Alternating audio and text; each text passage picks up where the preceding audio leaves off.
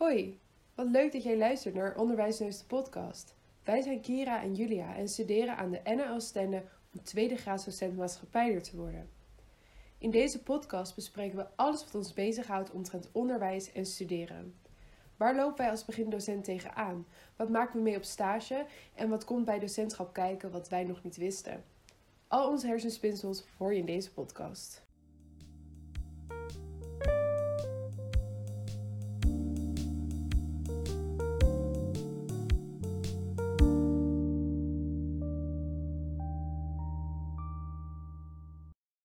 Hoi, Kira. Hey, hallo. Wat leuk, dit zo. Lang geleden. Ja, echt zo. Even, moet ik even wennen weer. Maar Ja, eh, het- daar zitten we. De allereerste podcast. Wow. Ja, zo leuk. Zo leuk. Jongens, we hebben hier zo lang met elkaar over gehad van, oh, dit willen wij echt gaan doen. Gewoon lekker lullen over onderwijs. En nu zitten we er. En wat een betere manier om ons een beetje te leren kennen, dan gewoon even hebben over waarom wij überhaupt hebben gekozen voor het onderwijs. Toen ik mensen ging vertellen dat ik het onderwijs in wilde, keken ze me allemaal echt aan alsof ze een spook hadden gezien. Helemaal omdat ik van de HAVO kom. Dus ik rol zeg maar van de middelbare school af weer naar zeg maar de middelbare school, maar dan in een andere rol. En mensen die dachten echt dat ik knettergek was. Hoe zat dat bij jou? Ja, ook wel. Ik heb, eh, toen ik koos voor de lerarenopleiding, heb ik wel de opmerkingen gehad, zou je dat wel doen? dat is echt een klassieker, ja. En ehm, wat ga je doen als je dit niet meer leuk vindt? Zijn er opties om omgeschoold te worden? Ja, ja, heel raar. Ze zeiden ook tegen mij van, zou je dat wel doen? Je bent zelf ook nog een puber. Het was heel raar, zeg maar. Je kan alles gaan doen. Dat idee had ik een beetje, zeker met vriendinnen van mij. Die zijn een paar de economische kant op gegaan, fashion kant. En tegen niemand werd zoiets gezegd. Echt alleen als je voor het onderwijs koos, dan dachten mensen echt dat je, dat je gek was of zo. Heel raar. Ja, klopt. En dan zeiden ze ook tegen mij, oh, er was ook zo iemand, ik weet niet eens meer wie dat tegen me zei. Ze zei, ja, maar ja, dan krijg je straks je eigen soort in de klas. Toen dacht ik, ja, dat is de bedoeling. Ik ga Ja, voor puber, ja. Wil- Zou je jezelf in de klas willen hebben? Nee, ik zou mezelf niet in de klas willen hebben, want ik was echt niet leuk op de HAVO. Maar ja, Nee, precies. Maar wat is dan voor jou de reden geweest om voor het onderwijs te kiezen? nou, ik heb, dat, als ik er nu op terugkijk, zie ik dat vooral. Maar eigenlijk heeft onderwijs altijd een hele grote rol in mijn leven gespeeld. Mijn vader is docent op het MBO, al sinds ik klein ben. Echt gewoon sinds ik er. Ik was er nog niet eens, toen was hij al docent.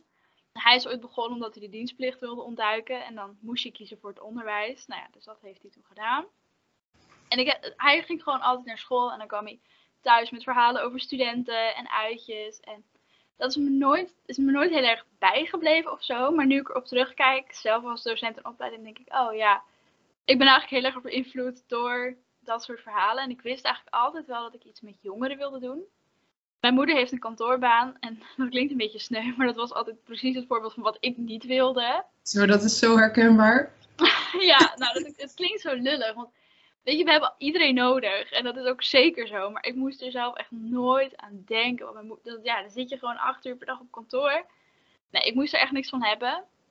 Dus, en ik wilde heel graag iets betekenen. Kijk, iedereen betekent iets. Dat, dat is sowieso de bakker op de hoek en eh, de, de man van het tankstation. Iedereen heeft een hele belangrijke rol. Maar ik wilde echt een soort van stempel achterlaten op iets. En niet een, alsof je mensen gaat indoctrineren. Maar ik wilde wel echt iets betekenen in levens. Nou ja, dokter werd hem niet, dierenarts werd hem ook niet, want mensen en bloed, daar kan ik niet heel goed tegen. Ehm, en nou ja, dus dat was al snel klaar. En ook omdat ik eigenlijk het VWO niet aankon, viel dat allemaal af. Toen wil ik jongerenwerk gaan doen. Ik heb ook echt nog gekeken naar jongerenwerker. Maar ik denk dat ik dat heel erg mee zou nemen naar huis.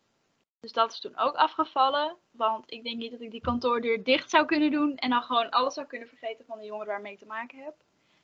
En dat is het onderwijs natuurlijk ook wel een beetje zo. Maar zo bleef eigenlijk alleen onderwijs nog over.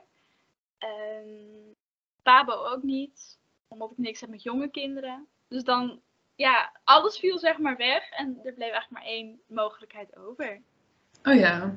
En bij jou? Nou ja, voor mij was het vooral heel erg ehm, dat ik natuurlijk ook heel veel met iedereen krijgt te maken met onderwijs.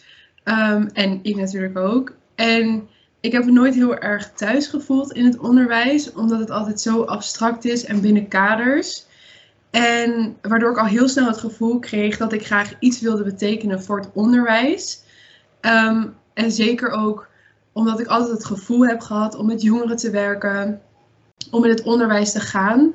Ehm, zelf heb ik niet per se een voorbeeld gehad uh, van mijn ouders. Uh, die hadden gewoon een kantoorbaan. En ook die kantoorbaan, dat leek me vreselijk als ik die verhaalde horen. Dat ze weer moesten vergaderen. En dacht ik, ja. dat is gewoon niks voor mij. Ik wil gewoon in contact blijven met mensen. Maar ook wat jij al zei met dat sociale werk. Ja, ik kan me daar gewoon. Ik denk dat dat ook mee naar huis zou nemen. En ik denk toch in contact blijven met uh, wat oudere leerlingen. Ja, dan was docent wel echt de optie waarvan ik echt heel gelukkig werd. Ja, ik weet nog dat we toen, we hadden toen, dan mochten we vanuit onze middelbare school, mochten wij dan naar de NH Stenden. Wij studeren aan NH Stenden in Leeuwarden. En dan mochten we toen heen. En mijn allereerste voorlichting was de voorlichting docent maatschappijleer. En daarna had ik er nog drie. Ik had nog docent geschiedenis, multimedia design. Geen idee wat ik daar deed. Ik kan amper een mailtje sturen op mijn telefoon. En ik had nog iets, maar dat weet ik niet meer. Oh ja, TMO Fashion Business heb ik ook nog gezeten. Nou, en ik had dus eerst die voorlichting docent maatschappijleer gehad. En ik heb daar de hele dag daarna gezeten van, lieve mensen, ik wil naar huis. Ik weet het al. Ik heb ook nergens meer foldertjes meegenomen. Ik was zo verkocht. Ik had die boeken gezien. Ik dacht, ja, weet je, ik zit hier nog wel omdat het moet. Maar ik kan net zo goed gewoon met de bus weer terug naar huis. Want het, is, Ja. het is klaar, zeg maar. Ja, nou, ik denk dat wij dezelfde voorlichter hebben gehad. Want ik ben eh, nou, een keer geweest in mei of zo, dat je dan net nog kon kiezen. En toen heb ik ook met een docent gepraat. En ik was ook gewoon gelijk verkocht. Dus ik denk dat we het over Luc hebben, hè?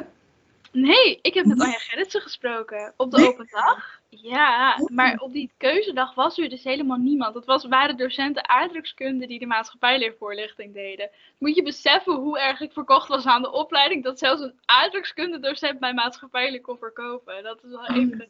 Ja, nou ja, nou, zoals jullie wel begrijpen, wij hebben dus uh, maatschappijleer gekozen als hoofdvak.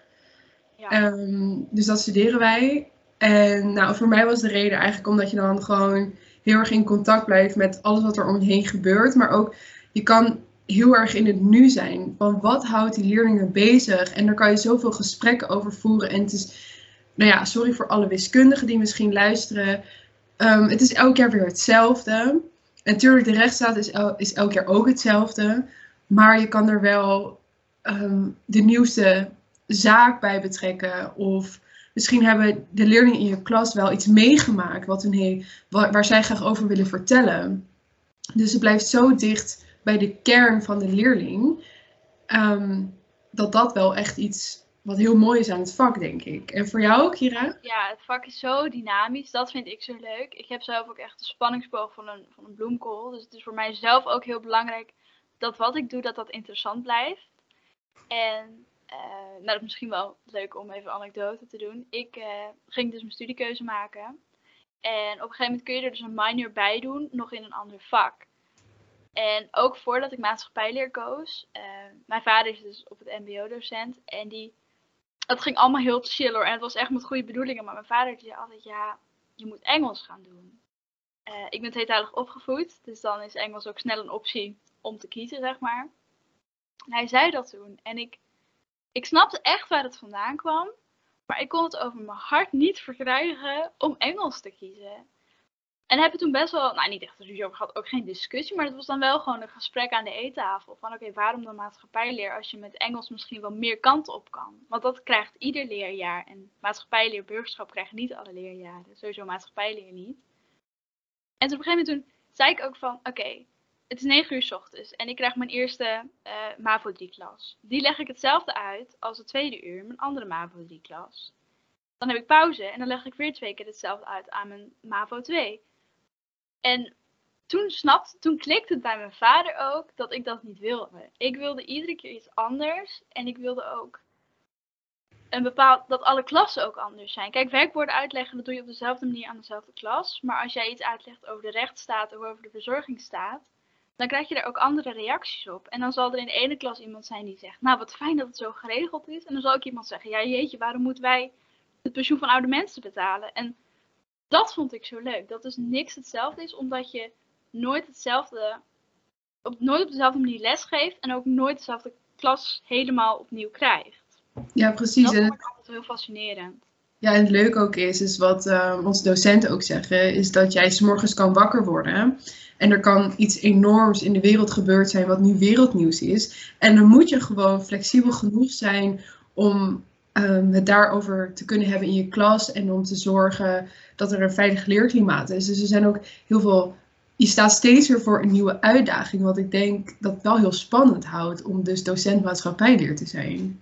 Ja, het is wel. Ja, het is ook niet om nu even veer in onze reden te steken, maar ik denk dat dat ook wel een van de moeilijkere vakken is, omdat je met zoveel dingen rekening moet houden. Weet je, zeg, met de actualiteit moet je rekening houden. Je moet, nou, daar gaan we het later nog vaak genoeg over hebben, maar over preconcepties en culturele diversiteit in de klas. Daar ben je veel meer mee bezig dan een wiskundedocent over het algemeen. Of zelfs mijn vader, die docent elektrotechniek is, die heeft daar veel minder mee te maken dan, dan wij. En dat maakt het moeilijk, maar dat maakt het ook een heel mooi vak, denk ik. En dat, ja, wat ik ook zei, het nieuws verandert elke dag. Dus docent maatschappijleer zijn verandert ook elke dag. En ik, ook de vragen die je dan krijgt, dat dan een student het nieuws een keer heeft gekeken en dat ze dan van jou willen weten, hoe zit dat dan nou daar? Nou, dat, dat, is echt fenomenaal. Dat is zo leuk, ja. Ja, we hebben ook natuurlijk al stage gelopen. Oh, jongens.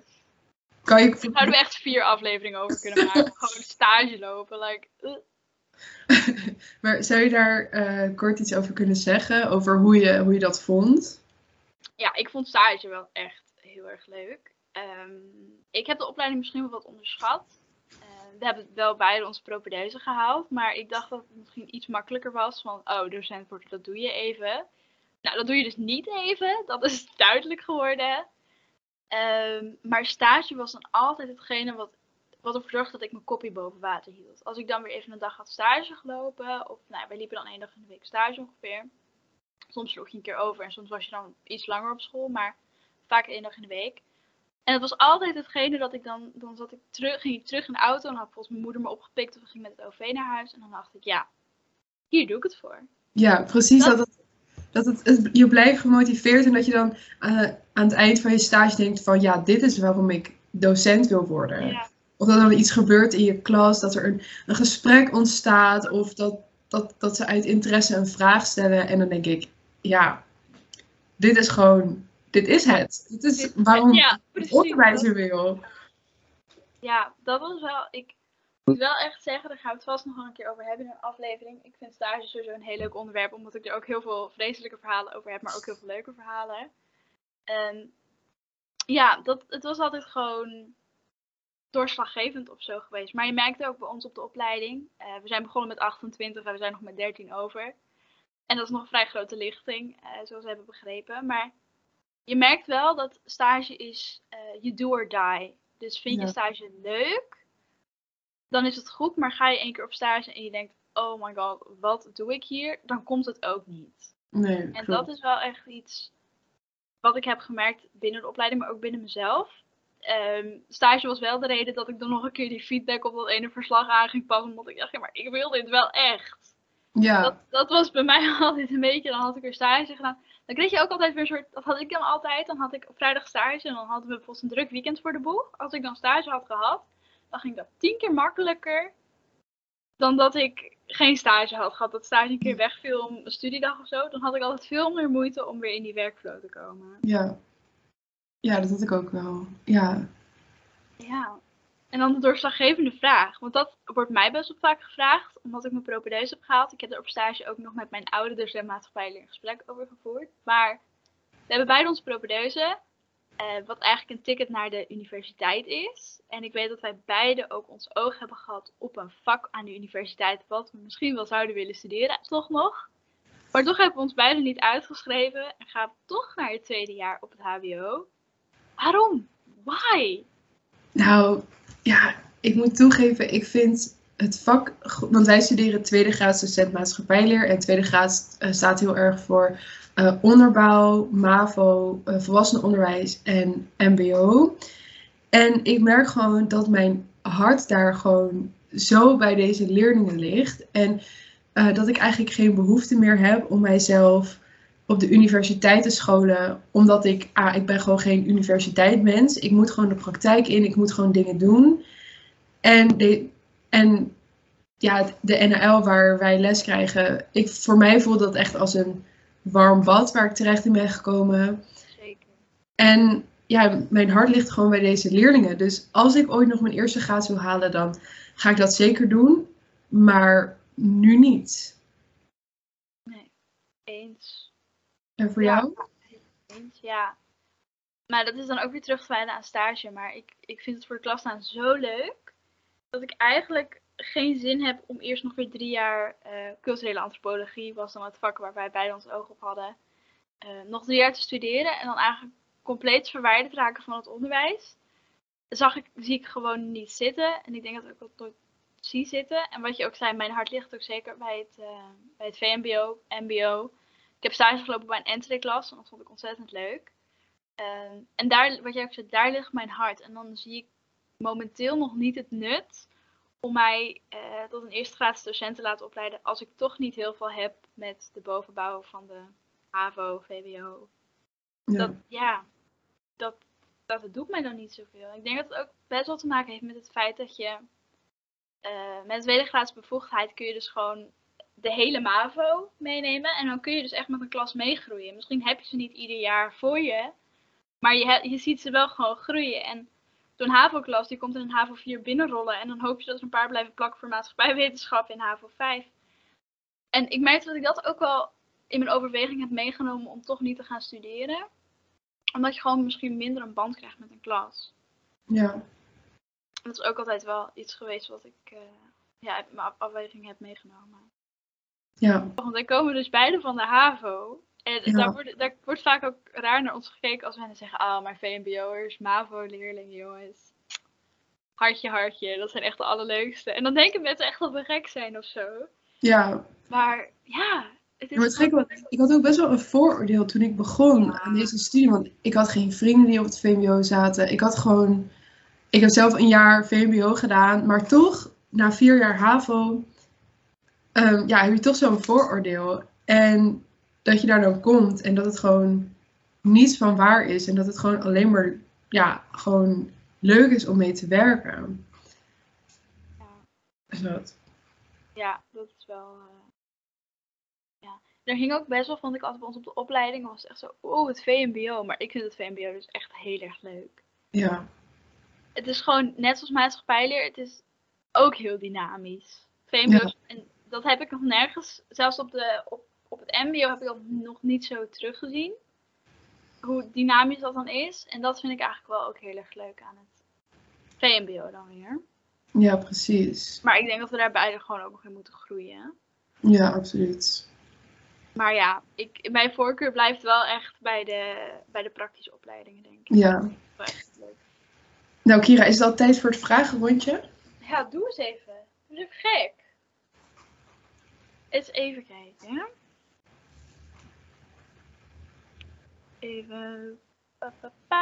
Volg je ons nou niet op Instagram? Dan zou het heel leuk zijn als je dat wel ging doen. Ik heb heel hard gewerkt aan ons logo namelijk. En, en dat is gewoon aan elkaar. Onderwijsneus, de podcast. Helemaal niet moeilijk. Super makkelijk. En het is een feestje op onze Instagram. Ja, ik kan er niks, niks anders van maken. Dus even kijken. Een vraagje tussendoor. Ja. Was de docentenopleiding zo als je hem had verwacht? Oeh, goede vraag. Ehm, nou, nee.